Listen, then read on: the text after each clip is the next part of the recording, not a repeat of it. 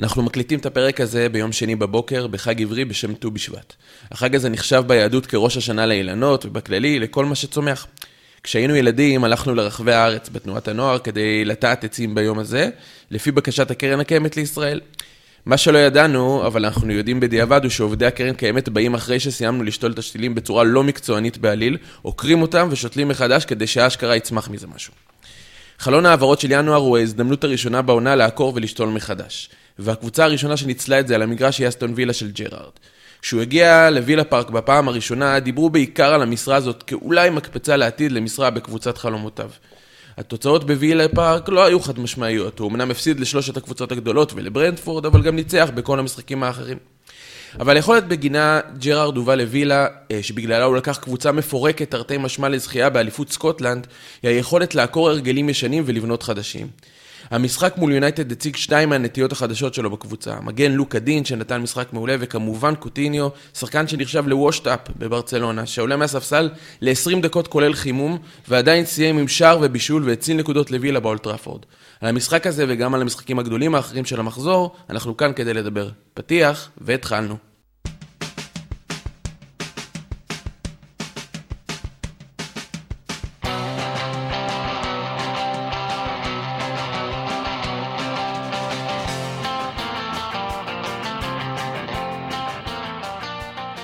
אהלן, ברוכים הבאים לפרק מספר 15 של האנליסטים פרמייר ליג. אני חמי עמיחי, ואיתי מי שקיבל הצעת עבודה לספור את השערים באליפות אפריקה, ואמר שעבודות כאלה בזויות מכדי לעבוד בהם, עידו ליאון?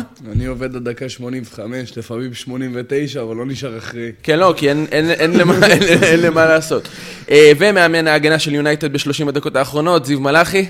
אה, נראה לי תואר לא מכובד כרגע, כן, אבל בסדר. אבל אבל לוקחים מזה עבודה כן. שיש. אני הולך איתך. לוקחים מה שיש. אני לוקח כל מה שיש. אז היום אנחנו מסכמים את המחזור ה-22 בפרמייר ליג, אה, סיטי מתעלה במשחק לא גדול על צ'לסי, וילה חוזרת מול יונייטד בג'רארד time, אה, וליברפול מצליחה לנצח את ברנטפורד גם בלי הגדוד שנמצא באליפות אפריקה.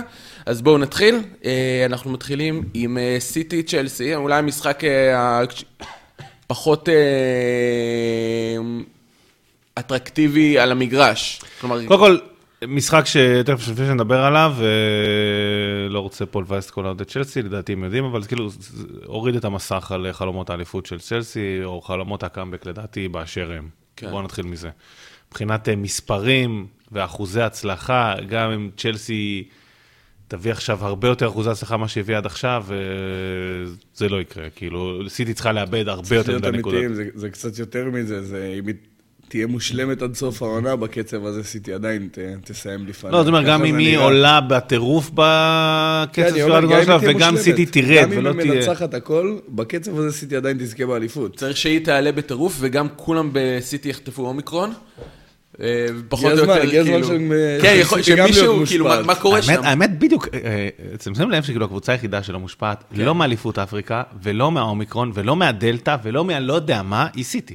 היא כן. כאילו, אין לה חוסרים. לא, אי אפשר, אי אפשר, אין אוקיי, כאילו... יש מחרז שכאילו לא שם, אבל חוץ ממחרז, לא קורונה, לא לא יודע מה, כאילו שום דבר לא נוגע בה.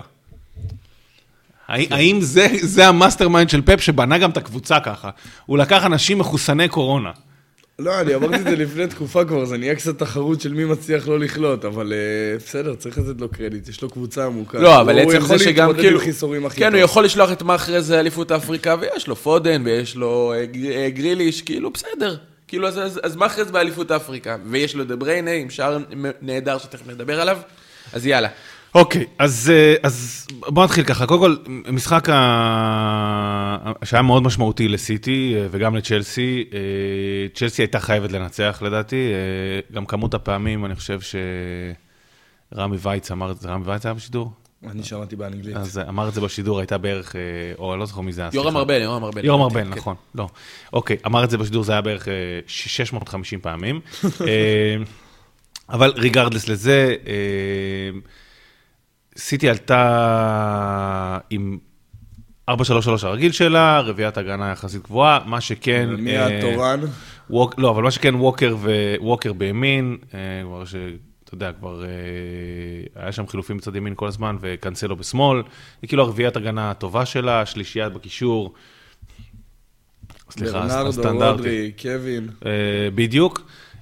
והשלישייה ב- בהתקפה, והפעם עלה תורן בעמדת החלוץ אה, פודן. אה, ופה, היה פה קצת שינוי, סטרלינג בימין וגריליש בשמאל. אה, אני לא יודע אם להגדיר את זה כשינוי, כן, כי סטרלינג זה, בימין זה לא עמדה שזרה לו, אבל פה לדעתי היו שתי, שני עקרונות מאוד חזקים. אחד, במשחקים שפפ רוצה ללחוץ מקדימה, הוא הרבה פעמים שם את פודן כחלוץ.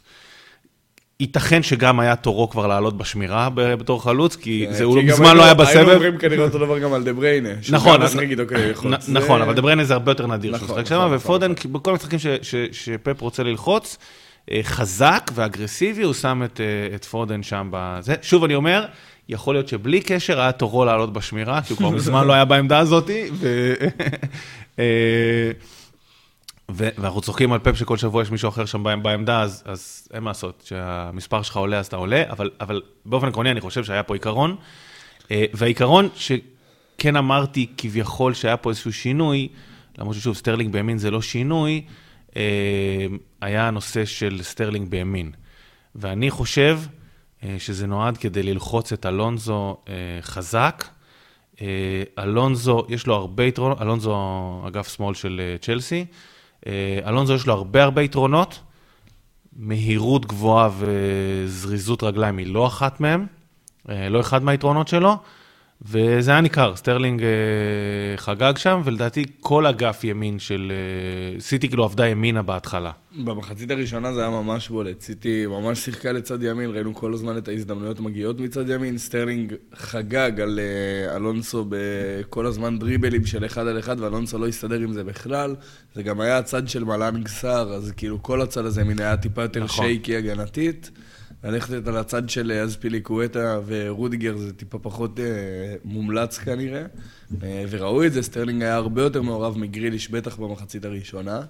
בולט ממש שהלכו דווקא על הצד של אלונסו, שלא הסתדר, וגם הכניס את עצמו לבעיה עם הצהוב המוקדם הזה, שאז בכלל איך אתה מסתדר עם זה סטרלינג. חלק מהלא להסתדר, כאילו, אני נכון. חושב. כן, כן. אגב, זה, זה, לפעמים אה, אתה רואה על שחקן שהוא גם קצת אה, מהפורפר אותי, מאבד את הביטחון, אז הוא גם הרבה פחות אה, תרם ועזר בהנעת כדור, והיה לו גם לפעמים כל מיני עיבודים שלומיאליים כאלה. אני חושב שזה לפעמים מכניס אותו קצת לאיזה ספין, או לאיזה סחרור. זה כן, גם קשור על ללחץ של סיטי, רגע, של צ'לסי כן. אפשר לדבר בכמה דרכים, כי אלונסו, צ'לסי יש דרך אחת שהיא מניעה בכדור, אנחנו אומרים את זה כבר כמה שבועות, ואלונסו לא אמור להיות חלק מהדרך הזאת, כביכול לא בהתחלה. אז, אז תכף נדבר רגע על צ'לסי באופן יותר מסודר, אני חושב. כן. אבל, אבל כן, אני חושב שזה גם מכניס אותו לאיזשהו אה, אה, spin כזה, אבל בסדר. אה, אז, אז זה דבר ראשון. אז, אז אני חושב שעוד פעם, פפ רצה ללחוץ, תכף נדבר על הלחץ הזה, רצה ללחוץ קדימה ורצה ללחוץ אה, גם בצד ימין ו- ולשים את סטרלינג על, אה, על, אה, על אה, אלונסו, זה אחד הדרכים. אגב, גם באגף שמאל, אספיליקווטה הוא יותר בעל אופי הגנתי ויותר תורם, אבל גם גריליש על אספיליקווטה, אה, אה, זה גם קצת היה... אה, כן, אבל זה לא mismatch כמו אה, סטרלינג אלונסו. בעיקר בגלל נושא הזריזות. לדעתי, כן, כי אז. אספיליקווטה לפחות עם הניסיון שלו יותר יכול להסתדר עם שחקן כמו גריליש, שהוא יותר דריבליסט ולא איזה שחקן על מהירות כמו סטרלינג. סטרלינג על המהירות עם אלונסו, פשוט רכב על אלונסו, סיים את המשחק עם מהירות וגם 13 זריזות, אני דריבלים. חושב. מהירות וגם זריזות, אני חושב, נכון, כאילו... יציאה מהמקום מהירה, הכל. כן, הצד בעיניי הפחות טוב של זה היה שסטרלינג אה, עשה את הדריבלים שלו, אה, אבל כרגיל נראה שיש לו שם איזושהי בעיה בקבלת ההחלטות הסופית. זאת אומרת, הוא עושה את הדריבלים, אני חושב שאתה הגדרת את זה מאוד יפה בשיחה בינינו. כן, אני אמרתי שפשוט מרגיש שהוא קודם כל מנסה לעשות דריבל כזה כדי למצוא לעצמו זמן לחשוב ומתבלבל עם זה, ופשוט עושה משהו מהר רק כדי לשנייה ל- לעשות משהו עם הכדור. ואז זה עובד לו, הוא ואז עובר את השחקן, ואז הוא לא יודע כן, מה ואז לעשות. הוא לא יודע מה לעשות, כן. אה, אני חושב שזה גם בתקופות שלו בליברפול היה אחד הבעיות שלו, הוא כבר שנים עם זה ומרגיש שאולי זה כבר לא ייפתר, דיברנו על זה לפני כמה שבועות, על האם יפתרו את זה. שחקן מדהים, אבל אה, כן, אה, נראה שלפעמים הוא לוקח את ההחלטות הטיפה לא נכונות, הוא מחפש את הדריבל הנוסף וטיפה מיותר.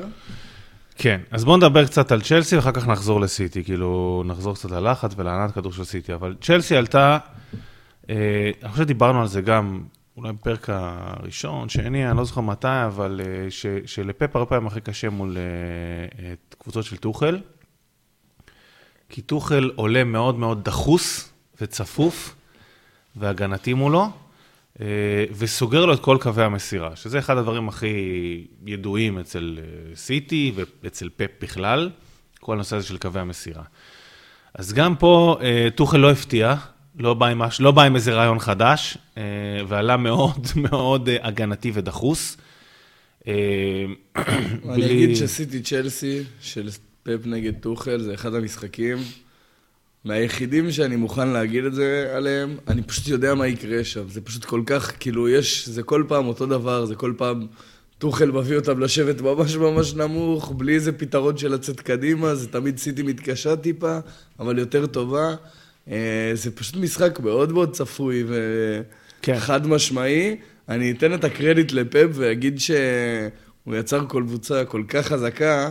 שאף אחד לא מדבר על איזה בונקר צ'לסי עושים, אבל לפני כמה שנים אם מוריניו היה אשם על הזה וצ'לסי היו משחקים ככה, היה המון ביקורת על הצורת משחק. אגב, על טוחל אתה מתכוון. אמרת אני אחמיא לפפ. נכון, אני אומר, אני אחמיא לפפ, שאני חושב שהוא יצר קבוצה כל כך חזקה, שזה לגיטימי לשחק ככה מול נגדו. אה. זאת אומרת, זה לגיטימי להביא קבוצה שתשב בקו מאוד מאוד נמוך.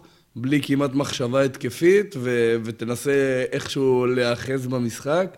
משהו שמוריניו פעם היה עושה עם אינטר הרבה ועם הקבוצות שלו, והיו מבקרים אותו מאוד. אני חושב שפפ יצר נפשט ש... שזה לגיטימי נגדה. אני חושב שההבדל אה, בין אה, מוריניו לבין טוחל, הוא שטוחל לא משחק ככה כל הזמן. נכון. וזה ההבדל נכון. המרכזי. אה, לא, מוריניו לא... היה משחק ככה גם מול אה, נוריץ'. אתה מבין? כאילו, זה, זה הנקודה. נכון, אה, נכון. אני חושב שבגלל זה מגיעה הביקורת. אני חושב שלטוחל כן מגיעה ביקורת על המשחק הזה, זאת אומרת, אני מסכים איתך שזה לגיטימי. לא, לא, אני, אני איתך, אתה לא צריך לשכנע יותר יותר מדי, אני מאוד לא אוהב את מורידיו. אין, אין פה, אגב, אין פה, דור, אין פה את אה, דורון שיגן על צ'לסי, אז אה, אנחנו לא, כן, לא, כן צריך להגיד, כן צריך להגיד שצ'לסי הגיע עם הגנה מאוד מאוד מאוד מאוד חסרה, בלי, בלי קריסטנסן ובלי צ'לובה, ובלי אף שחקן הגנה על הספסל. כל השחקנים על הספסל, אף אחד, רק שוער, כאילו היה שחקן הגנה. חוץ מזה, אף שחקן הגנה, כלומר, היה שם, כן היה שם חיסרון מסוים שהוא ניסה לפצות עליו. לא, אני מסכים, אבל אם אתה, אם אתה, סבבה, זו נקודה טובה, אגב, אבל אם אתה לא מסתכל על זה, אתה מסתכל על מי ששיחק באופן כן. עקרוני, זה לא כזה שונה מה, אה, מההרכבים כן. הרגילים שלה. חוץ מצ'לובה, חוץ משר שהחליף את צ'לובה, אז אלונזו זה שחקן אה, קו לגיטימי, משחק חצי חצי מהעונה, הוא לא איזה נפל מההרכב. כן, וגם אספיליקווטה הוא לא... אספיליקווטה כן. הוא גם אה, שחקן ש... בסדר, זה לא ריס ג'יימס, הוא לא נותן לך את מה שריס ג'יימס נותן לך בצד ימין, ואספיליקווטה זה כבר קצת גבולי אם הוא נותן את מה שצ'ילדווי נותן, כי הוא כן נותן תפוקה.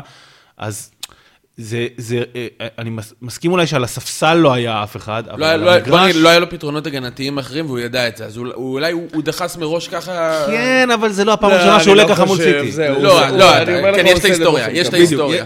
אתה היית צודק אם לא הייתה את ההיסטוריה, ואם הוא כן. היה עולה ככה 100% מהפעמים, 100% מהפעמים הקודמות, גם מול סיטי. כן. אז אחלה שאתה מייצג פה את צ'לסי, אבל אנחנו לא קונים את זה. בלי דורון צריך מישהו. מישהו, מישהו חייב לעשות את זה. לא שאני את צ'לסי. אבל, אה, אוקיי, בסדר. דורון, פרק הבא אנחנו יוצאים על גלגר, תגיע. אני חושב שבאופן אה, אה, עקרוני בואו כן נדבר על תוכנית המשחק. אז תוכנית המשחק של טוחל הייתה הגנתית דחוסה, לייצר איזשהו קו דחוס, וגם לא מפתיע, ליצור איזשהו בלוק מאוד חזק במרכז, זה היה מאוד ברור. הוא עלה מערך רגיל, 343, אה, שלושה בלמים שסער מחליף את שלובה, אומנם אה, בצד שמאל, הם כאילו החליפו, החליפו מקומות ביניהם, הוא ורודיגר, אבל, אבל בגדול אה, סער מחליף את שלובה, אז פילוקטה בימין, אלונסו בשמאל, באמצע קובצ'יץ' וקנטה, ציוות טוב בעיניי, תכף נדבר עליו, ובחוד לוקאקו בחוד, ושניים מתחתיו זה זייח ופוליסיק. מה שהם פשוט עשו זה עמדו אחורה מאוד חזק, קו הגנה של חמש עומד באופן די יציב וברור, חמישה של ההגנה, שלושת הבלמים, אלונזו ואספיליקווטה, ובבלוק במרכז, לוקאקו, מאחוריו אה, שני אה, אה, זייח ופוליסיק סוגרים את האמצע, ומאחוריהם קנטה וקובצ'יץ', ולא תעבור דרך האמצע. בוא. כן, ריבוע הגנתי מצופף, חמישייה בקו שלא יוצאת.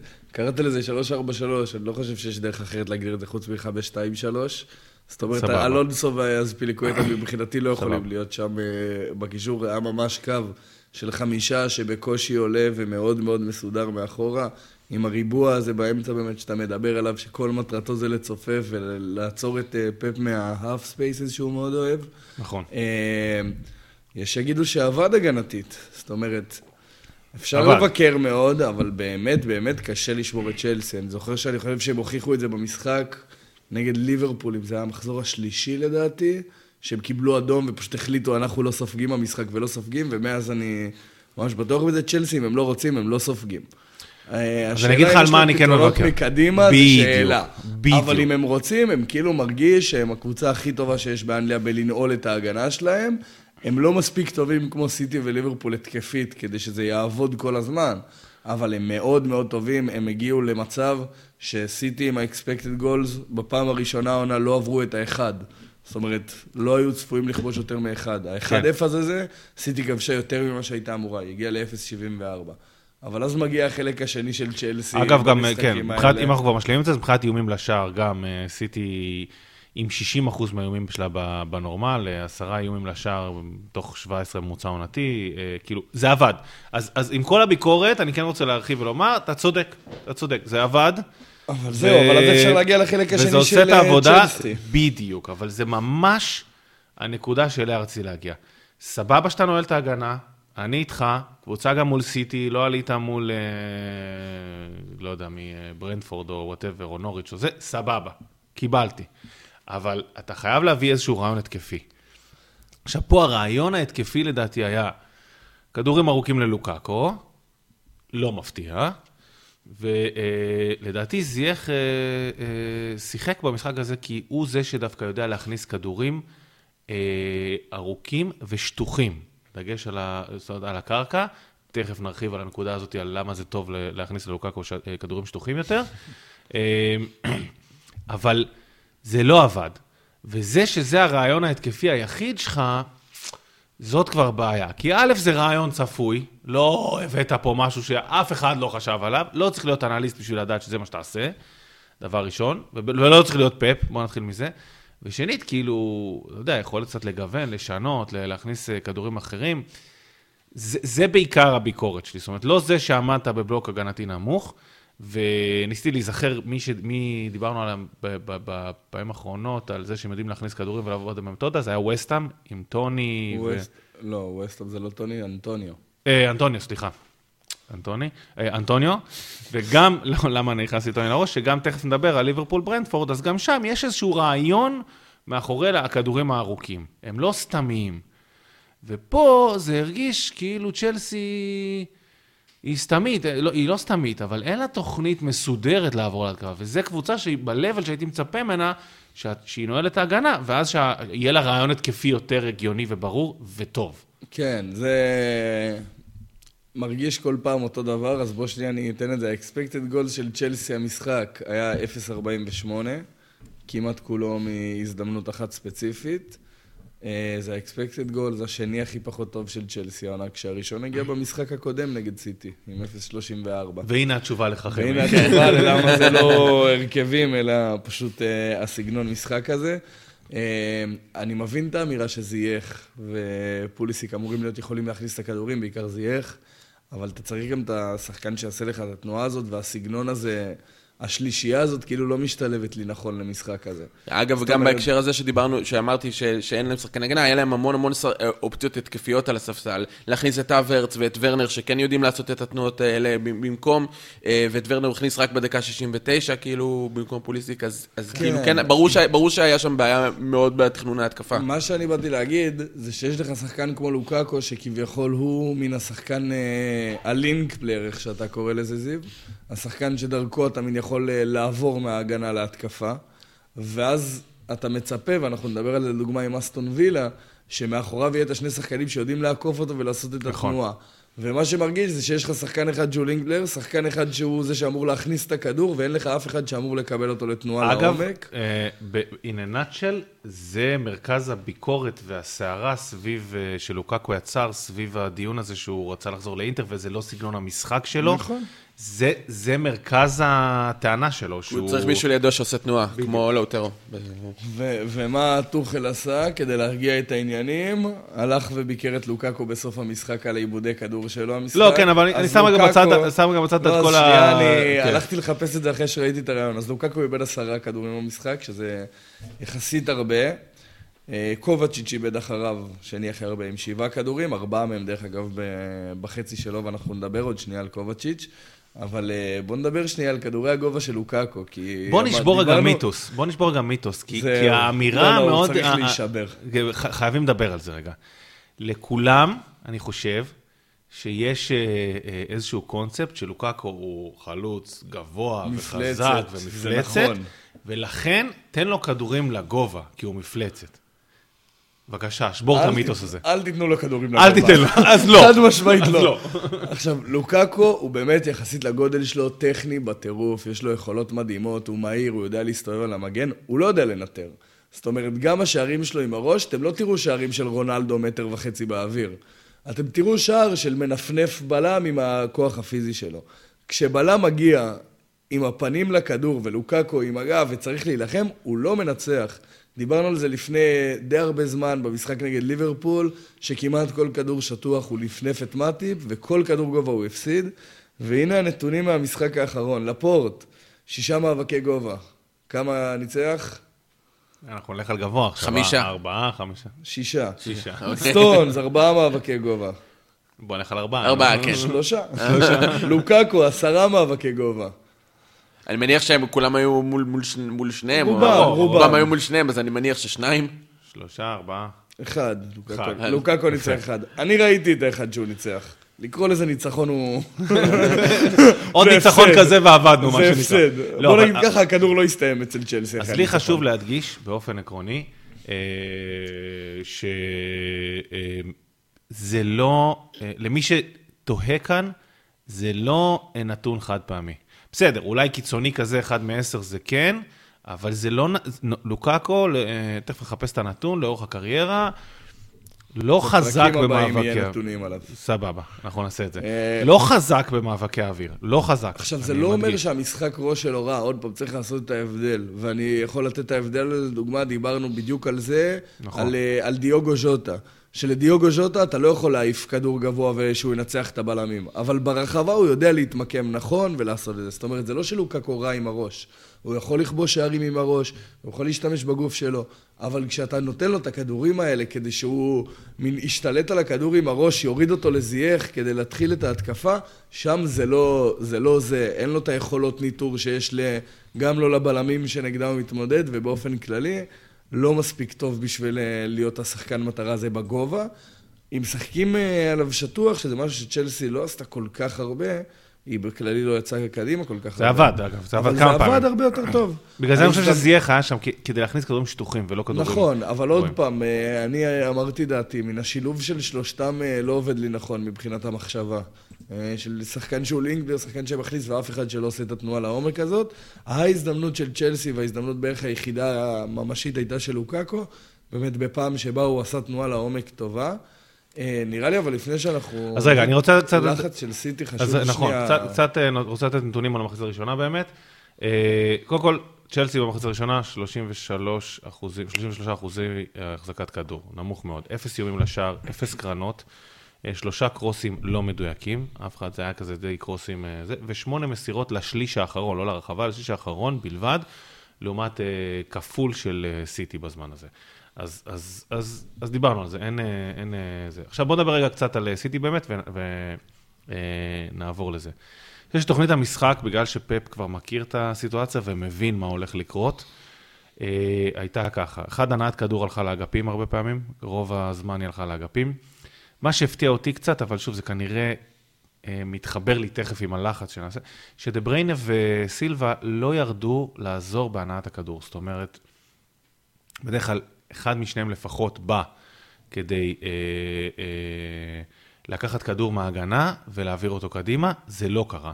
לצורך העניין, קצת נתונים, דה בריינה קיבל 24 מסירות במשחק הזה, לעומת בדרך כלל ממוצע עונתי של 44, אה, כמעט חצי, אבל פחות או יותר.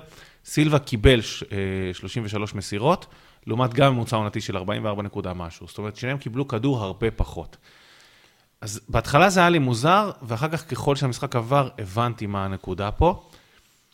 הנקודה הייתה לחץ. פפ הבין שהוא לא ינצח את המשחק הזה עם הנעת כדור, צ'לסי ילכו אחורה, יעמדו אחורה, יהיה קשה מאוד לשבור את הבלוק הזה, אז הוא עשה אה, מעין אה, gegenpressing של קלופ כזה. קשה להגיד של קלופ, כי גם אה, פפ מאוד מאמין של בזה. רנגניק חשבתי, לא? גם, גם, לא, כי גם פפ מאוד מאמין בזה, אתה זוכר את קונספט לחץ השש שניות המקורי של פפ בברצלונה, אז, אז קשה לתת את הקרדיט רק לקלופ, אבל מאוד אה, משוער קלופ, כדורים קדימה, וברגע שצ'לסי מאבדים כדור, לחץ uh, אחרי עיבוד כדור, uh, מס, זאת אומרת, לחץ uh, אחרי עיבוד כדור של סיטי, מסיבי מאוד של uh, סיטי. ממש התנפלות על, על כדור, כדי ליצור איזשהו מצב כזה שאתה זוכה בכדורים יותר קרוב ל- לרחבה, ולנסות לנצל את זה. אה, אז קצת על, אה, גם מספרים על זה, אה, סיטי עם 60 אחוז, 67 אחוז יותר פעולות לחץ מהממוצע העונתי שלה, סליחה, 100 אחוז יותר באחוזי הצלחה, 90 אחוז יותר פעולות לחץ גבוה מהממוצע העונתי שלה, 25 אחוז יותר באחוז הצלחה, שזה גבוה. צ'לסי איבדה 20 אחוז יותר כדורים בחצי המגרש שלה. זאת אומרת, הלחץ הזה עבד, והוא ייצר מצבים, ואני חושב שפאפ הבין שזאת התוכנית שלו. בואו נלחץ אותם בזה, ו- ועכשיו אני מחבר את הנקודה המקורית. אני חושב שבגלל זה דה בריינה וסילבה לא ירדו. אה, זה היה כדי לשמור כמה שיותר שחקנים אה, מקדימה, ולא להביא שחקנים אחורה, כדי לייצר את הלחץ הזה אה, כשצ'לסי מאבדים כדור. אני יכול להוסיף על זה עוד משהו אחד רק, או שניים אפילו. אה, קודם כל שמבחינת סיטי, אה, אני חושב שהם הגיעו עם הבנה שלצ'לסי יש דרך אחת להניע כדור, דיברנו על זה הרבה פעמים. מניעים דרך הבלמים, הולך למגנים או לשני הקשרים, אה, וברגע שהשלישייה הקדמית לוחצת את הבלמים, ושני דה בריינה וברנרדו הם על קובצ'יץ' וקנטה, די אתה סוגר באופן מוחלט את היכולת של צ'לסי להניע כדור, וזה היה מאוד מאוד בולט ו... אחת הסיבות למה הם פחות ירדו לדעתי. סיבה נוספת זה שבאמת צ'לסי לא לחצה בכלל, זאת אומרת רודרי סיים עם 96% דיוק במסירות, וזה לא קורה עם איזה מסירות אומן, אלא כי באמת לא לחצו אותם. לבלמים של סיטי היה קל להניע כדור, לרודרי היה קל להניע כדור, ולא היה צריך שם את התוספת של הבן אדם לשחרר אה, עוד שחקן. אה, ועוד משהו על הלחץ שאתה דיברת, אה, אפשר להגיד על קובצ'יץ', אה, שדיברנו על, על השילוב של קובצ'יץ' קנטה. קובצ'יץ' לדעתי נכנס, גם אתה אמרת את זה, הרבה בשביל הפיזיות, הדריבל, היכולת שלו שנייה אולי להשתלט על מרכז הקישור, והוא מאוד תורגת הרגיש לי ב, ב, בלחץ, הוא וקנטה לא קיבלו שנייה, ובאמת אפשר לראות את זה שהוא סיים עם ארבעה עיבודים בחצי שלו. מצד שני, הוא באמת מוסיף אגרסיביות, המון תיקולים, המון עבודה, ועושה באמת עבודה טובה עם זה. אה, ובואו נסיים עם איזה, עם נתון היום שאנחנו מדברים עליו, מסירות מפתח. כמה מסירות מפתח סיטי סיימה? ניסיונות. וואו. אה, קצת מתחת לממוצע העונתי שלה, אני אגיד. אז זה מתחת לממוצע, לא יודע, עשר? אה, שמונה. סיימה עם שמונה. כמה מוצלחות? שש. פחות, אני אלך. שלוש.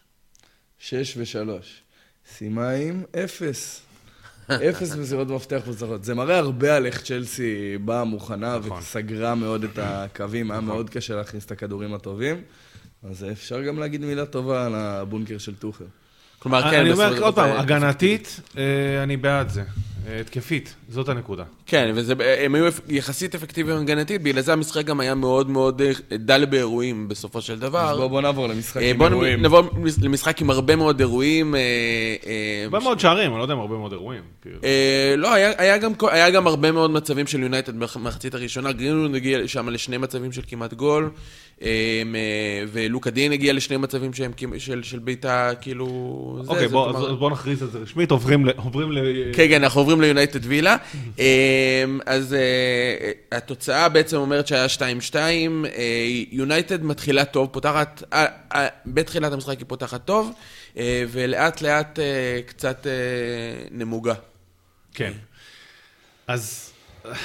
לא יודע, אני חושב שהיא גם... אה, אוקיי, פתחה טוב, אבל אה, נמוגה... אה, אוקיי. שער מאוד יפה בדקה השישית, כאילו, ופתיחת משחק בכלל. לא אם יפה, שער אחד המגעילים שראיתי. די מוזר, כאילו. כן. שער נטו כדי שמי שקיפטן את ברונו יעקוף אותי בפנטזי, שום דבר חוץ מזה. מרגיש כמו מכירת פנטזי, מרגיש כמו מכירת פנטזי. באמת. אבל, אבל סבבה, אוקיי, בוא נתעלם רגע מהשער הזה, כאילו... לא, הוא ש- הוא ש- הוא שר. אוקיי, הוא שר, הוא שר. אה, קודם כל ככה, אני אגיד אה, במשפט אחד, זה עוד לא נראית קבוצה של אה, רגניק. משהו שם לא... אני, אוקיי, אני אמנה את זה אחד-אחד, אבל הרבה דברים לא מסתדרים לי. קודם כל, רגניק עלה, אני חושב, פעם ראשונה, הפעם עם איזשהו ניסיון ל-4-3-3, 4-1-4-1 לא יודע כזה. אם פעם ראשונה, אני חושב שראינו את זה באיזה גביע או משהו, אבל כן, מהפעמים הראשונות. אוקיי. שהוא עולה עם אה, רביעיית הגנה שכבר המגנים מתחילים להיות שם אה, קבועים. אה, לא, ת- דווקא למה? טלס ו... לא, שו ווואן ביסאקה דווקא חזרו במחזורים האחרונים, ופתאום הם ירדו עוד פעם. כן, אבל אה, אבל היה לו הרבה- הרבה שהוא ניסה שם את טלס ואת אה, דלות. לא, נכון, כאילו, כשהוא לא- הגיע הם שיחקו איזה שלושה משחקים ברצף, בשניים לדעתי האחרונים, בוא נבדוק בדיוק. לדעתי בשניים האחרונים שיחקו ביסאקה וזה, תמשיך, תמשיך, אני אוקיי, אבדוק. סבבה. אה, אגב, אה, כן, גם במשחק לפני זה גם היה מול אה, אסטון וילה, בגביע. כן, בגביע. נכון, אז גם שם הם שיחקו, אה, אבל בסדר, אוקיי. רביעיית הגנה אה, ושלישייה במרכז שהיא מטיץ', פרד וברונו, ושלישייה קדמית שהיא קוואני, גרינווד אלנגה. ואלנגה. משמאל וגרינווד מימין, וקוואני, סליחה, בחוד. בשני המשחקי ליגה שקדמו למשחק הזה באמת וואן ביסאקה ושואו פתחו, לפני זה זה באמת היה שלושה ארבעה משחקים של דלות וטלס, ועכשיו נראה שעוד פעם זה דלות וטלס. אה, כן, אבל בשני כמה משחקי פעמים. ליגה הקודמים הוא פתח עם... אה, נגד וולף זה נגד. ברנלי. אז זה יותר הגיוני, אבל בסדר, אוקיי. נראה לי, אני חושב. לא, מול לא וולף פתח הוא לא פתח עם שלושה בלמים? לא, הוא פתח לא, עם ארבעה ועבר לשלושה במחצית שנייה. נכון, עבר סבבה. באמצע, גם עם סבבה. ברני הוא לא פתח סבבה, עם נכון, שלושה. נכון, נכון, סבבה. Anyway, אה, אז מה שכן חשוב לדבר עליו זה דווקא השלישייה במרכז. אה, אז קודם כל, רק אנחנו יודעים שהוא אוהב אה, לחץ, אז דיברנו על השלישייה המרכזית, מטיץ', ברונו ופרד, ונראה שלכל אחד מהם יש את התפקיד שלו שם בסיפור הזה. אז מטיץ' הוא כמובן הקשר האחורי הקלאסי, הוא ממש פחות מעורב גם בהנעת הכדור ופחות מקבל כדורים. ומבחינת מה שפרד נותן שם, א', אני חושב שמאז שרק הגיע פרד הופך להיות שחקן יותר משמעותי ויותר משמעותי. המשחק הספציפי הזה, אני חושב שמה שהתפקיד שלו היה זה לעזור בלחץ על הבלמים של אה, אה, וילה. זה היה מאוד מאוד ניכר שפעם אחרי פעם אחרי פעם אה, קוואני עומד טיפה נמוך יותר ופרד הוא זה שיוצא ללחוץ עוזר לו בלחץ.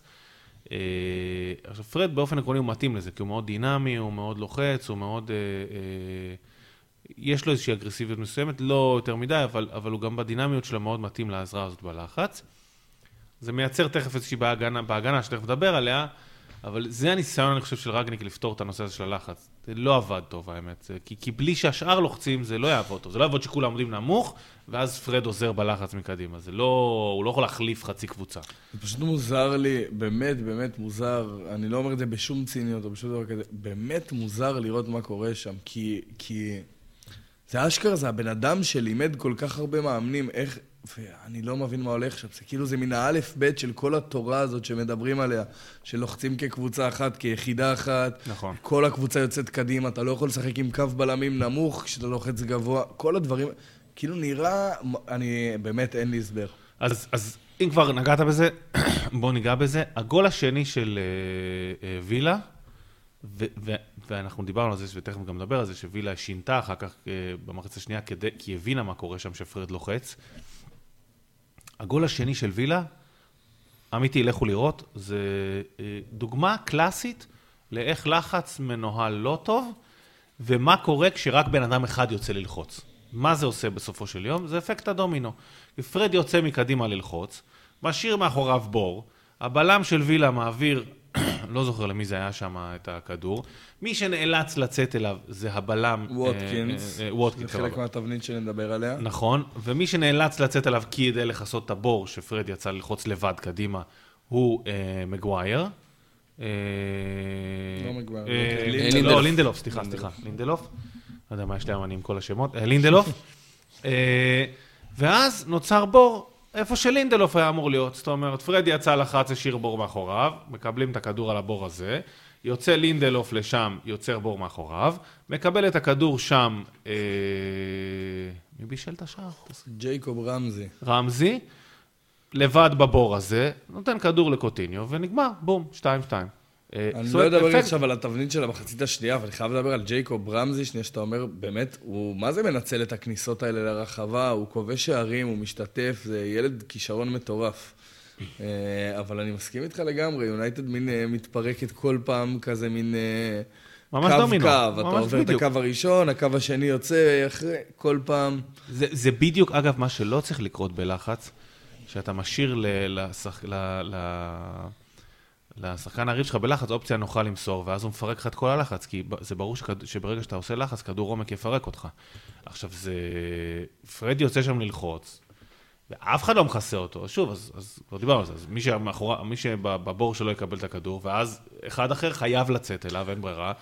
ואז אה, זה מה שקורה, זה פשוט ייצר בור אחרי בור אחרי בור, ואם קבוצה היא חכמה, היא, היא, היא משחקת על אפקט הדומינו הזה. זה אולי מאוד מסביר גם למה יש מין המון הערכה ללחץ כזה, וזה מין נחשב הכדורגל ההתקפי והיפה, כי זה באמת... אה, לא קל. כשזה עובד, זה יוצר הזדמנויות. אפשר לראות את זה עם ליברפול וסיטי שעושות את זה בצורה מדהימה, שאתה חוטף כדור ואתה במצב מסוכן כבר. אבל אם זה משהו אחד לא נכון בלחץ שלך, ברמה הזאת של הליגה האנגלית, ואני מדבר גם על הרמה הזאת של הקבוצות החלשות, זאת אומרת, גם ניוקאסל תעניש את הקבוצות שלא לוחצות נכון. ברגע שאתה לא לוחץ נכון, היכולת של קבוצות לפרק אותך היא כזאת קלה, נכון. שזה מדהים. אז לראות את הקבוצות שלוחצות טוב, חבר'ה, להעריך, זה נכון, באמת באמת חושב ש- דבר מדהים לראות. דיברת גם על, ה, על העובדה שברגע שאתה חוטף כדור זה כבר מצב, אז בעיניי זה לא, לא מה שדיברנו עליו בלחץ, כאילו, זאת אומרת, מה, אנחנו, מה שהחוכמה בלחץ היא לא להשאיר לך אופציית מסירה. כששחקן, בלם או מגן אה, שמשחק מול סיטי או ליברפול או כל קבוצה שלוחצת טוב, הוא מקבל כדור ואין לו למי למסור, אין לו אופציה.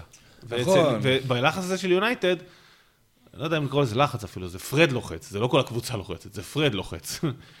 אז בלחץ הזה, שחקן מקבל את הכדור, אז יוצאים אליו שם, ואז יש לו אופציית מסירה קלה, אז, אז הוא יפרק אותך, כאילו, זה, זה ברור. כן, בוא, בוא שניה נגיד, שחקני השדה של וילה סיימו עם אה, שבעה עיבודי כדור בחצי שלהם. זה כלום. נכון? זה כלום. זה, זה נתון כאילו שיכול לקרות באמת, כשקבוצה לא לוחצת אותך, של כדור ארוך אחד שלא הלך, עוד איזה שניים, זה ממש נמוך באופן קיצוני, ו, ולא מה שאמור לקרות במשחק נגד קבוצה גדולה כמו יונייטד. אז בוא Manchester קצת אה. אה, נתונים על זה. אז אה, אפקטיביות הלחץ של אה, יונייטד הייתה אה, 24 אחוז. זה אומר, אה, באופן עקרוני, שהיא בעצם זוכה בכדור רק ברבע כן, מהפעמים פעם שהיא לוחצת. בארבע. פעם בארבע מתוך אה, אה, הפעמים שהיא עושה לחץ. אפילו לא זה נ- בהכרח זוכה בכדור, זאת אומרת, אם נכון. הקבוצה מרחיקה עכשיו כדור סתמי, למרות שהיא זכתה בו במאבק אוויר, זה עדיין נחשב. נכון, אז, אז היא 24 אחוז. זה אגב חצי מהממוצע העונתי שלך, הממוצע העונתי שלה עומד על 47, זה כמעט חצי, 48 זה חצי. ש-47 זה נמוך. וגם 47 זה נמוך, אז, אז, אז uh, היא הייתה בחצי מזה, זה אומר שהלחץ לא יעיל, זאת אומרת, היא לא עושה לחץ טוב בכלל. Uh, עכשיו, היא עשתה כאילו בגלל פרד הרבה יותר פעולות לחץ. היא כאילו עשתה פעולות לחץ בערך אה, 20 אחוז יותר, מעל הממוצע העונתי שלה, אבל זכתה בזה הרבה פחות. זה לא דבר טוב. כשאתה יוצא ללחץ אה, הרבה פעמים ואתה לא זוכה בכדור, אתה חשוף מאחורה. אה, ווילה ניצלו את זה שוב במחצית השנייה, בואו נדבר על זה תכף. עשו את זה גם באופן מכוון, שזה מה שמרשים כאן. כן. אה, הנעת הכדור של יונייטד, בואו נדבר עליה גם קצת. אה, גם, לא טוב, לא יודע מה קורה שם עם אה, רגניק, אבל מה שקורה באופן עקרוני ודי ברור, כשדיברנו על תפקידים בקישור, תנו את הכדור לברונו, בסדר? בואו נעשה את זה פשוט, זה היה כנראה המסר בחדר הלבשה, תנו את הכדור לברונו, בסדר? אתם רואים את ערום מספר 18? זה, תעבירו לו את הכדור. מעין אה, פתרון אה, שדיברנו עליו הרבה פעמים פה עם ארסנל אה, אודגרד, אז הוא, הוא, הוא ירד הרבה פעמים שמאלה וקיבל את הכדור, אבל כשהוא לא הצליח לקבל את הכדור וכשהוא לא הצליח להשתחרר, אמ, אז יונייטד בעצם הייתה חסרת אונים, היה איזשהו ניסיון כזה להניע כדור בין אה, אה, הבלמים טיפה לשחקן בכנף בתור איזה מגן. אה, וילה פירקה את זה ממש, אה, ממש בקלות. אה, ולא היה איזשהו פתרון אחר להנעת הכדור, חוץ מכשברונו חסום, אה, לא היה פתרון אחר. מטיץ' גם באמת לא היה שותף בכלל להנעת. כדור, הוא לא עזר, זה באמת הרגיש כאילו אם ברונו לא מוסר, אז כזה כולם מתרחקים ולא מנסים לקחת איזו יוזמה. גם, גם הרבה פעמים, אגב, רק על זה איזשהו נתון קטן, הרבה פעמים הקשר האחורי, לפעמים כשהוא בעל אוריינטציה מאוד הגנתית, אז, אז הוא לא משתתף בהנעת הכדור, אבל מטיץ' קיבל 22 מסירות אה, המשחק הזה, זה כלום.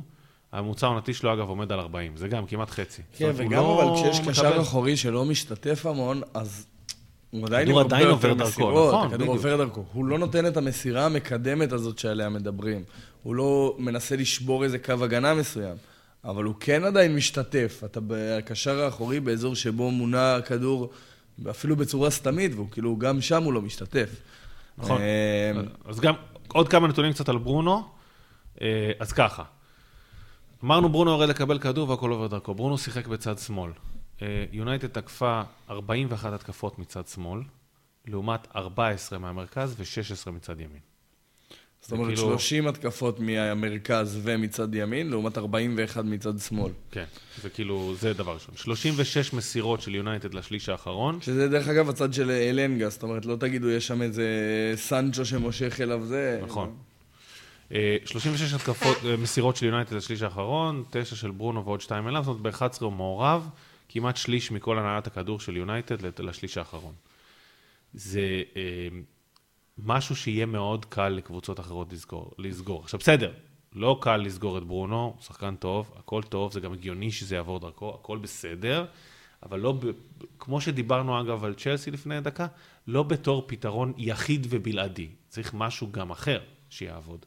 אה, כן, אני דיברתי איתך על זה קצת, שהרגיש לי שקוואני עלה, לא יודע איך להגיד את זה, זה לא חלוץ מדומה, אבל איזה שחקן מדומה הרגיש לי, משהו הזוי. זאת אומרת, הרגיש לי שהוא לא... שהמצבים לא אמורים להגיע לקוואני. אה, זאת אומרת, יונייטד מגביה כדורים ממש מעט המשחק, ממש מעט. כמעט ולא... חמישה מנח- קרוסים כל חמישה המשחק. קרוסים כל המשחק. כן, בעיקר שולחת לצדדים, כאילו. באחוז דיוק מאוד מאוד גבוה, דרך אגב, של שלוש מוצלחים, אבל כשזו סטטיסטיקה עם כזה ניסיונות, כמות ניסיונות נמוכים, אז קשה באמת להסתכל על האחוזים. אבל לא משנה, לא חיפשו את קוואני לאיומים. זאת אומרת, כל האיומים היו אמורים להגיע דרך השלישייה שמאחורי קוואני בלי פרד. זאת אומרת, אני מדבר על ברונו, על אנגה ו... וגרינווד. כל פעם שהם נכנסו לרחבה, ודרך אגב, ברונו בשער השני של יונייטד עשה את זה מדהים, הכניסה מקו שני לרחבה. כן, נכון. והשער, ברונו עושה את זה בצורה מדהימה תמיד, דרך אגב, אגב, אה. שער זה עם כל הביקורת שלי על הלחץ של יונייטד, הגיע מלחץ של יונייטד, אני חושב. 24 אחוז. מתישהו זה אמור לעבוד. מתישהו זה פוגע, כן. באחד זה פוגע באחד. לא, זה נותן בסוף שער, אז כן. כאילו בסדר, אתה יודע. אבל, אה, אבל אלנגה ו... וגרינווד כל הזמן נכנסים, ואלה הם, האנשים שאמורים להגיע להזדמנויות, לעומת קוואני שלא אמור להגיע להזדמנויות. ככה מרגיש לפחות בסגנון משחק הזה של יונייטד, שזה לפחות לי היה מעניין ומוזר, כי ברגע שאלנגה ו... וגרינווד לא היו בתוך הרחבה, פשוט כאילו לא היה מין אופציות. קוואני הרגיש בודד, הרגיש שלא מנסים לשחק איתו. אני לא יודע, כאילו, אני מאוד מעריך את קוואני, הוא שחקן מעולה, אבל הרגיש לי כאילו הוא כבש את השער שוויון ההוא, נכון? זה השער שוויון, השער ניצחון לפני כמה שבועות. כן. מלא, שוויון לדעתי כבש. שוויון, שנייה.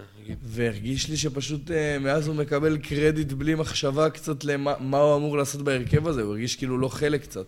לא בלחץ בטח דיברנו עליו, אבל ב, לא, לא בהכל, זאת אומרת לא חיפשו אותו בגובה. יש לך חלוץ כמו קוואני, לא, לא כן, הוא תנסה טיפה הוא להכניס כבש את השוויון. מול ניוקאסל. אני חושב שזה קשור גם לאלמנט של הנעת הכדור, זה לא היה קל להניע כדור, כאילו, צריך רגע גם לדבר על לחץ של וילה, אבל. אנחנו נדבר עליו. אז יאללה, בוא נדבר עליו, אחי. יאללה, אתה רוצה להתחיל עם המחצית הראשונה או אני אתחיל?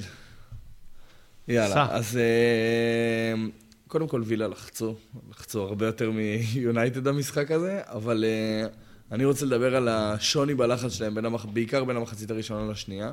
אה, במחצית הראשונה, בעיקר דרך אגב בשלושים דקות הראשונות של המחצית הראשונה, רשמתי לי כנקודה שמרגיש שווילה מנסה קצת לשמור על המערך שלה בלחץ.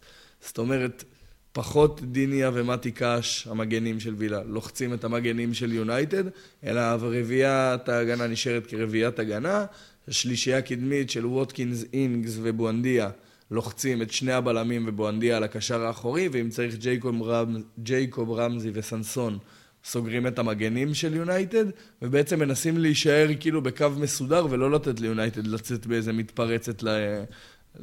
למצוא קו הגנה פגיע. זה עבד בסדר בסך הכל במחצית הראשונה, אבל מה שרציתי לדבר עליו זה הלחץ במחצית השנייה בעיקר, שעלה מדרגה. זאת אומרת, ראינו פתאום, גם אחרי החילוף שאינגס יצא, אבל גם לפני, את דיניה ואת מתי קאש לוחצים ממש, את דלות ואת uh, טייס, ראינו את, uh, את הבלמים נלחצים, זאת אומרת, לחצו מאוד מאוד קדימה, קצת נתנו לעצמם, כמו שדיברנו, קצת שלוחצים כיחידה, uh, וזה היה נראה הרבה יותר טוב. יונייטד איבדה 18 כדורים בחצי שלה, דיברנו על וילה. שאיבדה שבעה כדורים, יונייטד איבדה 18, זה כבר הרבה מאוד. Uh, הלחץ של וילה היה די, די באטרף די כזה. טוב, כן, די טוב. ממש, אני התרשמתי ממנו בסך הכל. Uh, כן, תשמע, קודם כל, יונייטד עם 40 אחוז יותר עיבודי כדור מהממוצע העונתי שלה. כבר אומר הכל. כן. Uh, שנית, uh, מה שאני דיברתי לגבי זה שלא היה להם uh, uh, פתרונות להנעת הכדור, זה, זה הרבה בגלל הלחץ הזה של וילה. אה, ואז יונייטד מגיע למצב שהיא בעצם אה, נסמכת על דריבלים וכדורים ארוכים. אז יונייטד עם הרבה יותר כדורים ארוכים במשחק הזה, והרבה יותר דריבלים. 28 אה, דריבלים, זה שוב, זה רבע מעל הממוצע העונתי שלה, 25% מעל הממוצע העונתי שלה. מסירות ארוכות, גם עלייה די משמעותית, גם איזה 25%. אז גם לא היה לה פתרונות טובים להנעת הכדור, וגם הלחץ של וילה הוא... זאת אומרת, אי אפשר להפריד בין שני הדברים האלה, שאין לה פתרון טוב ושהלחץ של וילה... זה, ועוד זה, משהו שאני אגיד על הלחץ הזה, שבעצם השינוי שבו המגנים, שדיניה ומתי קאש לחצו את אה, דלות וטייס, נתן טיפה יותר חופש לסנסון וג'ייקוב רמזי להתרכז בבן אדם המרכזי והיחיד בהנעת הכדור של מנצ'סטר יונייטד, שזה ברונו, ופתאום סנסון, שנצמד המון המון לברונו, ולא מדי פעם הלך לת... לא לטס, לדלות, פתאום נצמד אליו, הגיע להרבה יותר מאבקים. סנסון סיים ב-76 דקות עם 15 מאבקים הגנתיים.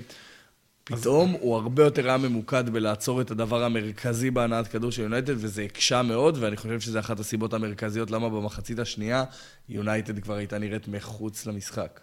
אז בוא פה, נתחבר לפתיח של אה, חמי, וניתן את הקרדיט לג'רארד. כי לדעתי ג'רארד עשה אה, מה שאתה אמרת עליו, אה, אני חושב שמה שאתה דיברת עליו, שני דברים מרכזיים הוא עשה. אחד, הוא זיהה את מה שאני דיברתי עליו, שברונו השחקן המרכזי בהנעת הכדור, אמר אוקיי, וזה מה שאמרתי שיהיה קל לקבוצות לעצור את זה. שוב, ברונו הוא לא שחקן שקל לעצור אותו, אבל קל לפעמים לעצור את הנעת הכדור אליו. ולכן, ברונו קיבל 27 מסירות בחצי הראשון, 11 בחצי השני. זה כאילו... ההצמדה של סנסון, המגנים, זה משנה, אני אתן את הקרדיט פה לג'רארד, ומתחבר פה לפתיח הנפלא של אה, אה, חמי. שהזכיר לי שהיום ט"ו בשבט, תודה חמי. כן, כן. אני גם לא זכרתי עד אתמול בערב שישבתי לכתוב את זה, לא זכרתי. נתן פה את כל הנטיות והקירות, אז ג'רארד זיהה ועקר שתי בעיות מהשורש. בבקשה, חמי, בבקשה. אחד זה, והשני, הוא זיהה את הלחץ של אה, פרד, שוב, לבד. ואני חושב שפעם אחרי פעם אחרי פעם, הכדור הלך כל פעם, כמו שאמרתי, תכף תסתכלו על הגול השני, זה אחד לאחד, הכדור הלך ל-half space הזה, אה, שליש מגרש בין בלם למגן, בלם צריך לצאת, זה קרה אגב בימין ובשמאל מלא פעמים, ואז נוצרו דאבלים באגפים של, אה, דאבל פאסים באגפים של אה, וילה, מה שהוביל לגול השני בוודאות. הראשון הוא מאותו מקום, אבל הוא מגיע קצת מדריבל של... נכון, uh, קוטיניו. של... לא, מדריבל לא של קוטיניו. קוטיניו עשה דריבל. כן, דריבל, double כן, pass. הוא עשה double pass, דריבל, ואז העביר לרמזי. סבבה, סבבה. אה, אז אז כאילו, respect לג'רארד, ואנשים שואלים כאילו, אתה יודע, מה היכולת של ג'רארד להשפיע ומה זה, לדעתי אה, אה, הייתה פה טביעת אה, אצבע מדויקת שלו. בדיוק בהקשר של מה שאמרת, לעצור את ברונו ולתת את המקומות האלה ב half space. אני, אני אוסיף גם על החילוף ועל תבנית אחת ספציפית, אז באמת דיברנו על התבנית, על הצורה הזאת שבה הם שיחקו. הרבה פעמים ראינו את ווטקינס מין משחק את הפירמינו נקרא לזה, שיורד אחורה טיפה, כדי למשוך את הבלם, ומאחוריו בואנדיה וקוטיניו. זה היה שילוב שמאוד מאוד אהבתי לראות. זאת אומרת, החלוץ הזה שגם יודע לשחק טיפה עם הגב, ללכת אחורה ולמשוך איתו בלם, מאחוריו משחקים קוטיניו ובואנדיה, שהכניסה של קוטיניו, מה שהיא נתנה, זה עוד שחקן שמשחק מאחורי ווטקינס, שיודע לעשות את הכניסה לרחבה הזאת. ראינו את זה בשער השני באמת.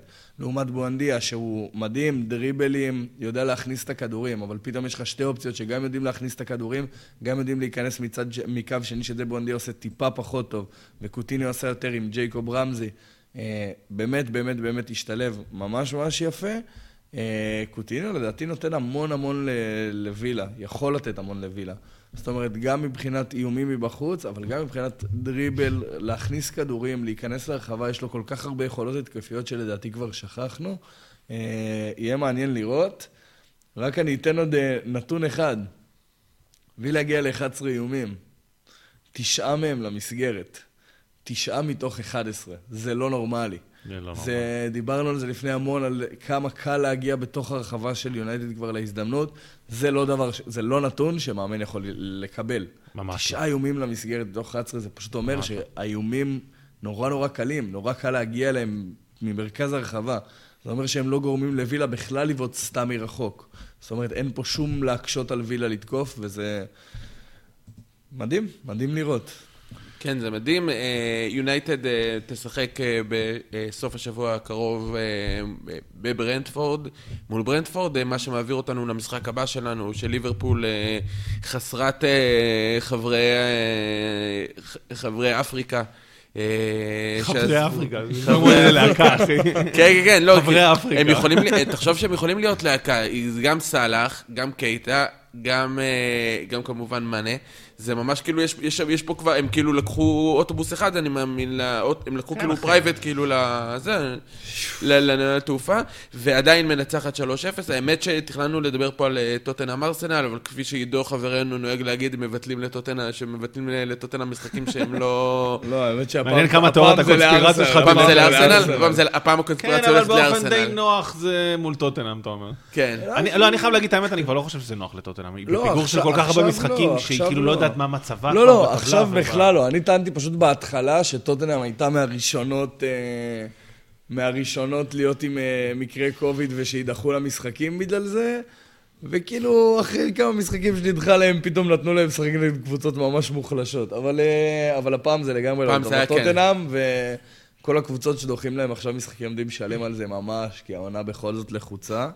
כן, הולך להיות להם הרבה רצף משחקים מאוד לחוץ בהמשך. אבל טוטנאם עשתה עבודה טובה כדי לעוף מאירופה, לפנות קצת מהלוז. קצת, זה גם חשוב. אז ליברפול... חשוב, חשוב.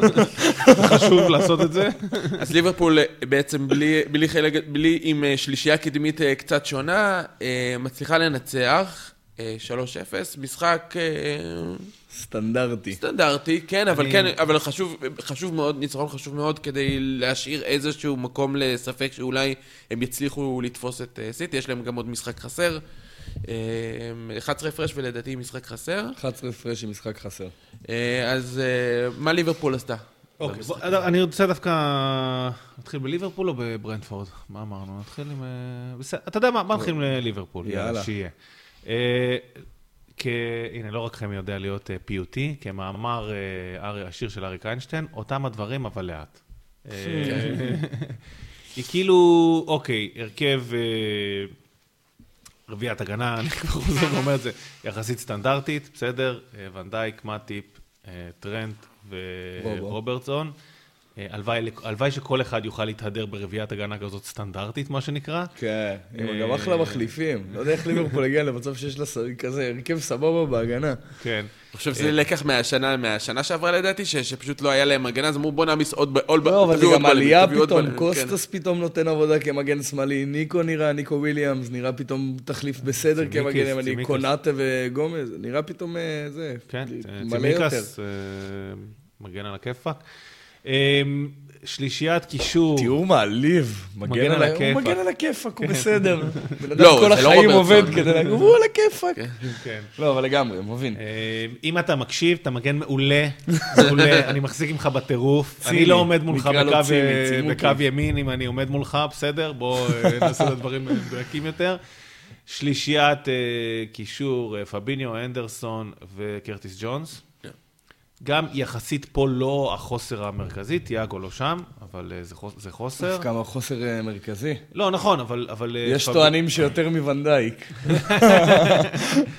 אנחנו לא נפתח את הדיון הזה עוד פעם, חס אבל, וחלילה. אבל בסדר, פביניו, לא, בסדר, פביניו ואנדרסון זה שתיים, כן, כן, שתי כן, צלעות. מאוד, מאוד, מאוד. אתה יודע, טובות בזה, וקרטיס ג'ונס יעלה במשחקים שתיאגו לא, ח- כאילו, קיצור, זה... כן, כן, לא, זה לא... וכמובן שהחוסר המרכזי הוא בשלישייה הקדמית, אה, שהרי להקת אפריקה לא פה. כן, אז אנחנו מדברים כמובן על דיווק הפצוע, דיווק אוריגי. כמובן, זה היה. החיסרון המרכזי. אה, אז בסדר, אה, ז'וטה בשמאל, נו. אוקס- בימין, ופירמינו במרכז. אני חושב שדווקא פה, בגלל אה, חסרונם של אה, סאלח ומאנה, אז ה- ה- היתרון שפירמינו נוכח הוא מועצם. ואני שמתי לב להבדל משמעותי אחד כשהשלישייה הקדמית הזאת משחקת, אה, זה שבעצם הכנפיים, שזה אוקס בימין וז'וטה בשמאל, נכנסות הרבה יותר למרכז. הסתכלתי גם קצת על נתונים ועל מפות חום של, אה, של מאנה וסאלח לעומת אה, אוקס וז'וטה, ומאשרות את מה שאני בעצם אה, רואה.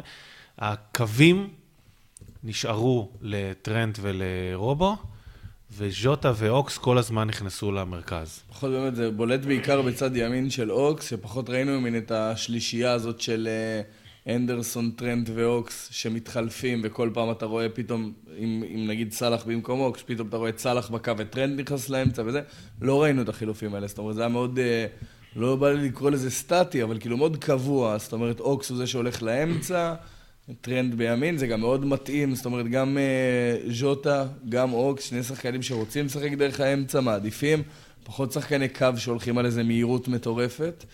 זה גם מתאים ל-532 הזה של ברנדפורד, שתכף נרחיב עליו, אבל בסוף, מה שזה יוצר, אה, אני, אני מניח שזה בא בצורה מכוונת, אני לא חושב שזה בטעות, זה הרבה הרבה יותר קרוסים לרחבה. הרבה, אבל הרבה. אה, מבחינת נתונים, אני חושב שיש לנו איזה 40 אחוז קרוסים יותר, אני תכף אסתכל על זה.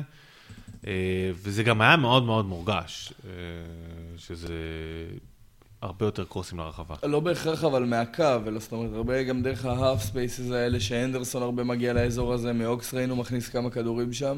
זאת אומרת, זה לא בהכרח הגיע רק אה, קרוסים ממש על אה, אזור הקרן, הגיע כן, מ- כן. מכל מיני אזורים.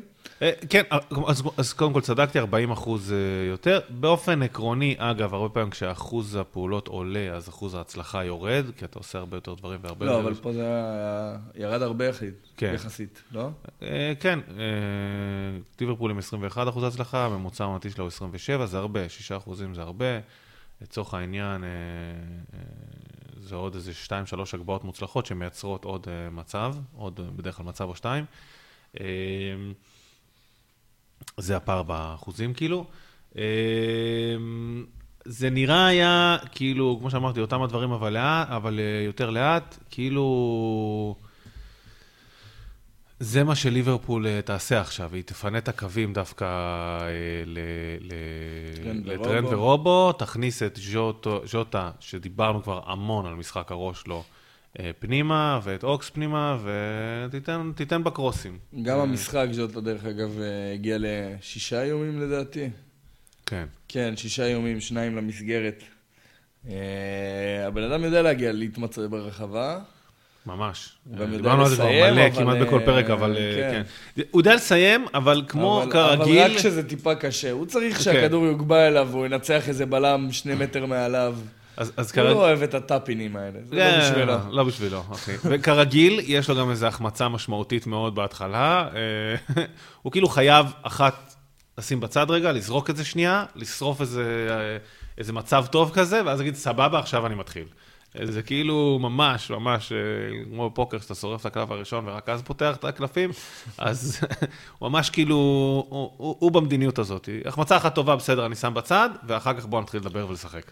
אה, כולם מדברים, אבל על החיסרון המשמעותי בליברפול, שזה מאנה וסאלח, ואני לא מפקפק לרגע בזה שזה החיסרון המשמעותי, אבל אני כן אגיד משהו אחד. הקישור של ליברפול הופך מאוד מאוד מעניין ברגע שתיאגו נפצע ונבי גם לא זמין. ואני אומר את זה למה? תיזהר, אתה בסוף תתקרב להיות לא, לא, לא, לא, שלי. לא, לא.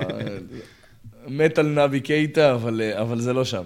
אבל השוני בין כל שחקן שאתה פותח איתו בקישור, פתאום נהיה מאוד מאוד משמעותי. זאת אומרת, מה שמילנר מביא, לעומת מה שאוקס מביא, לעומת מה שקרטיס ג'ונס מביא, שונה בטירוף. לא יודע מי מכם ראה את משחק גביע הליגה של ליברפול נגד ארסנל. מילנר, והסיבה למה כנראה שהוא לא פתח כאן, הוא לא שחקן שמושך עכשיו כדור קדימה, הוא לא מתקדם בדריבלים, הוא לא איזה שחקן מהיר וזה, הוא עושה יותר את העבודה השחורה, טיפה מסירות. אוקס לדוגמה, הרבה יותר מושך את הכדור קדימה, אוהב לפרוץ, אוהב לבעוט מרחוק. קרטיס אוהב את הדאבל פאסים, את הדריבל הקטן, להתקדם, אבל כל אחד מביא משהו שונה, והדרך שבה רואים את ליברפול בכל משחק, אני מדבר עליהם בקישור, זאת אומרת, אוקסייד צ'מברלן בקו ימין זה לא מה שאני מדבר עליו, אני מדבר על קרטיס בקישור. היא מאוד שונה. את קרטיס אתה באמת יכול לראות שהוא מנסה לקדם את הכדור, מה שלליברפול אין הרבה קשרים כאלה שעושים עם הכדור. זאת אומרת, אנדרסון לא מקדם כדור המון עם דריבלים, הוא מאוד מקדם את הכדור במסירות. קרטיס נותן לך את המימד הזה שאין לך כשאתה פותח עם מילנר וכשאין לך את נבי קייטה שהוא גם שחקן שיודע להוביל כדור. אה, וזה יהיה מעניין באמת לראות את השוני בדרך שבה ליברפול מגיעה לשליש האחרון, להגעה לשם, לפי מי משחק בקישור. ארווי אליוט גם אמור לחזור בקרוב. מאמין שעד שהוא יחזור ליברפול כבר תהיה עם הרכב יותר מלא, זה כנראה יהיה פחות מעניין, אבל הוא היה יכול להיות מאוד מעניין לראות איך אה, הוא היה משתלב שם. אבל אה, יהיה מעניין לראות לפי משחק ולפי ההרכב איך זה משנה את ה... לא יודע אם סגנון, אבל את הדרך שבה ליברפול משחקת טיפה. תראה, לליברפול כמה יהיו? חמישה משחקים בלי...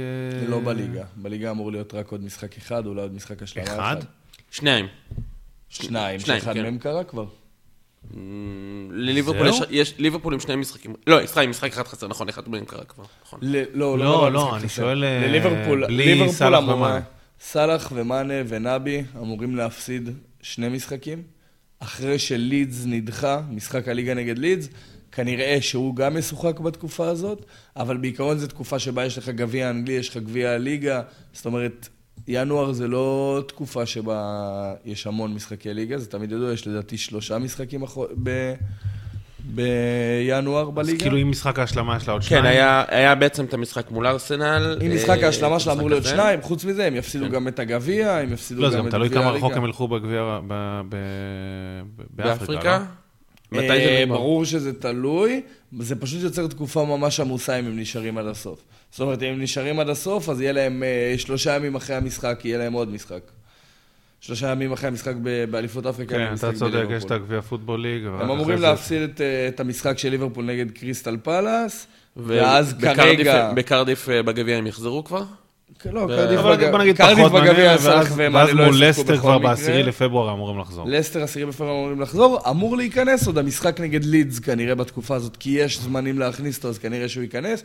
זה יוצא שלושה משחקי ליגה בכללי, קצת גביע ליגה, קצת גביע אנגלי. סבבה. אבל הנה הם מסתדרים בלעדיהם גם. אה, כן. סתם, מול בר- מול ברנדפורד, כן, אז. תראה, אה, קודם כל, אה, כמה דברים גם בוא נדבר על ברנדפורד ועל ליברפול, כאילו בהתאמה. אז ברנדפורד שיחקה אה, 5-3-2, אה, בחוד את אה, אה, טוני ואמבואמו, אה, ואני פשוט חייב לציין את זה, כי דיברנו המון בהתחלה על צ'לסי וה- והנעת כדור קדימה דרך אה, כדורים ארוכים. אז ברנדפורד היא קבוצה שלדוגמה יודעת לעשות את זה, יודעת לשחק טוב. אה, בין טוני ובין אה, אמבואמו, הם יודעת למי לתת לגובה, למי, לת... למי לא, רמז, אסור ספוילר, טוני לגובה, אמבואמו לא. אשכרה. היה מעניין לנסות הפוך, אבל הם לא עשו את זה. אה, והיא, יודעת את המתודה הזאת, זאת אומרת, היא יודעת מה לעשות במצבים האלה. אני חושב שהיא יודעת...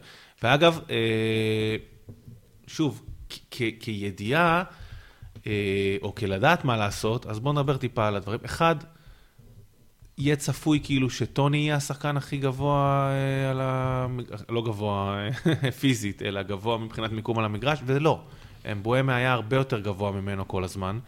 אה, ואליו נשלחו כדורים שטוחים, לטוני כדורים בגובה. ברנדפורד גם יודעת להתאים את הסגנון משחק שלה, כי אם אני לא טועה, זאת אומרת, לא היו הרבה כדורי גובה לטוני המשחק הזה, מה שברנדפורד עושה באופן קבוע, כי יש פה עכשיו את מטיפ ואת ונדייק, וזה לא ילך. זה לא ילך. אז... אה, כן, אז באמת, אני יותר אתרכז בנקודה של ההבנה למי אתה משחק איך, שמבואמו באמת אתה צריך לשחק עליו את הכדורים השטוחים ולטוני את הגבוהים. זה באמת יפה לראות את זה. ראינו כבר כמה פעמים את אמבואמו משחק טיפה יותר גבוה, טיפה זה... הם, אה, הם יודעים לשנות מאוד את איך הם משחקים עם החלוצים שלהם, שזה יפה מאוד לראות. טוני סיים את המשחק עם הרבה מאבקי גובה, שישה. אבל זה חצי מהממוצע העונתי שלו, זאת אומרת, הוא עם 12 למשחק. זה מה שמעניין, שהם יודעים לשנות את הסגנון משחק. ועדיין להשתמש בזה כשצריך. דרך אגב, הוא סיים עם אחוז מטורף של 50 אחוז הצלחה, מטורף נגד ונדייק ומטיפ, מבחינת... אה, כשלוונדייק ומטיפ יש את היתרון כי הם עם הפנים. זאת אומרת, לחלוץ שמשחק אה, עם הגב, הרבה יותר קשה לנצח עכשיו את הבלמים ולהגיע ל-50% נגד בלמים במשחק ראש טוב. מרשים מאוד, וטוני הוא מפלצת בגובה, זה דבר ידוע, עם אחוז עונתי דרך אגב של 50, שזה מרשים לא, אבל מה שמעניין פה, שדווקא פה לא השתמשו בזה. בדיוק, אומרת, אבל אתה... זה שהם הורידו את הכמות, שהוא הגיע רק לשישה מצ... אה, מאבקי אוויר, שהממוצע הוא 12, וזה הרבה יותר שטוחים לאמבואמו, פשוט מדהים לראות. נכון. האוריינטציה הזאת של להבין איך אתה יכול לשחק נגד כל קבוצה, אה, דיברנו על זה של אה, צ'לסי... בדיוק מה שהיא לא עשתה. לא הבינה שצריך לשחק על לוקאקו נגיד שטוח, שיחקה עליו גבוה ולפורט ו... וסטונס חגגו על זה. בבקשה. בברנפורד אז ככה עושים את זה חכם, כאילו, אה, כן. אה, זה, זהו, בסדר, זה בגדול. ומה שכן, ליברפול ניצלה, ניצלה המון את השטחים, שב-532 יש לך המון מרווח בכנפיים, בין הבלם למגן. לא, גם, גם בקישור, כי יש לך קישור כן. שהוא רק שלושה שחקנים. וליברפול שיחקה על זה המון, זה היה מאוד... אה, גם משם, אגב, כמו שאמרת, הגיעו חלק מהקרוסים, אז כאילו, היא שיחקה על זה. כן. זהו, אז ליברפול הרוויחה בעצם פה את הניצחון. אה, אנחנו אה, כבר, בוא נגיד בקצרה גם קצת על דברים אחרים שקרו במחזור. אז ביום שישי ברייטון ופאלאס מסיימות בתיקו אחד. מקרוב הפוד גלגר העלה את פאלאס ליתרון, ואחרי זה שער עצמי שוויון, משחק אמצע טבלה. ניוקאסל וווטפורד במשחק מאוד מאוד חשוב בתחתית, ניוקאסל כבר היו בדרך לניצחון אה, אה, ושוויון של ז'ואאו פדרו אה, בדקה ה-87 מאזן את זה. נוריץ' מנצחת את אברטון שבקריסה מוחלטת, אברטון שפיטרה אתמול את רפה בניטז. אברטון כבר במקום ה-16 עם 19 נקודות, לא, לא מאוד רחוקה כבר מהקו. היא לא, קשה להאמין שהיא תרד, אבל עדיין זה, זה, זה לא פשוט. וולפס מנצחת את סאוטהמפטון, עוד משחק אמצע טבלה, 3-1. אה, וווסטהאם לידס במשחק מצוין של לידס, אה, שחוזרת פעמיים אחרי שווסטהאם משווה, מנצחת 3-2, ווסטהאם עדיין במקום הרביעי. אה, ארסנל לדעתי עם שני משחקים חסרים, מרחק שתי נקודות. קרב על המקום הרביעי שם הוא קרב מאוד מאוד מאוד מעניין. אה, זהו להיום, אה, אני אודה לזיו, תודה, תודה לעידו. אה, אני הייתי חמי, זה עד כאן למחזור ה-22 של הפרמייר ליג, אנחנו נהיה בשבוע הבא, לדעתי במחזור ה-24 כבר כשמחזור אמצע שבוע, אז נתראה.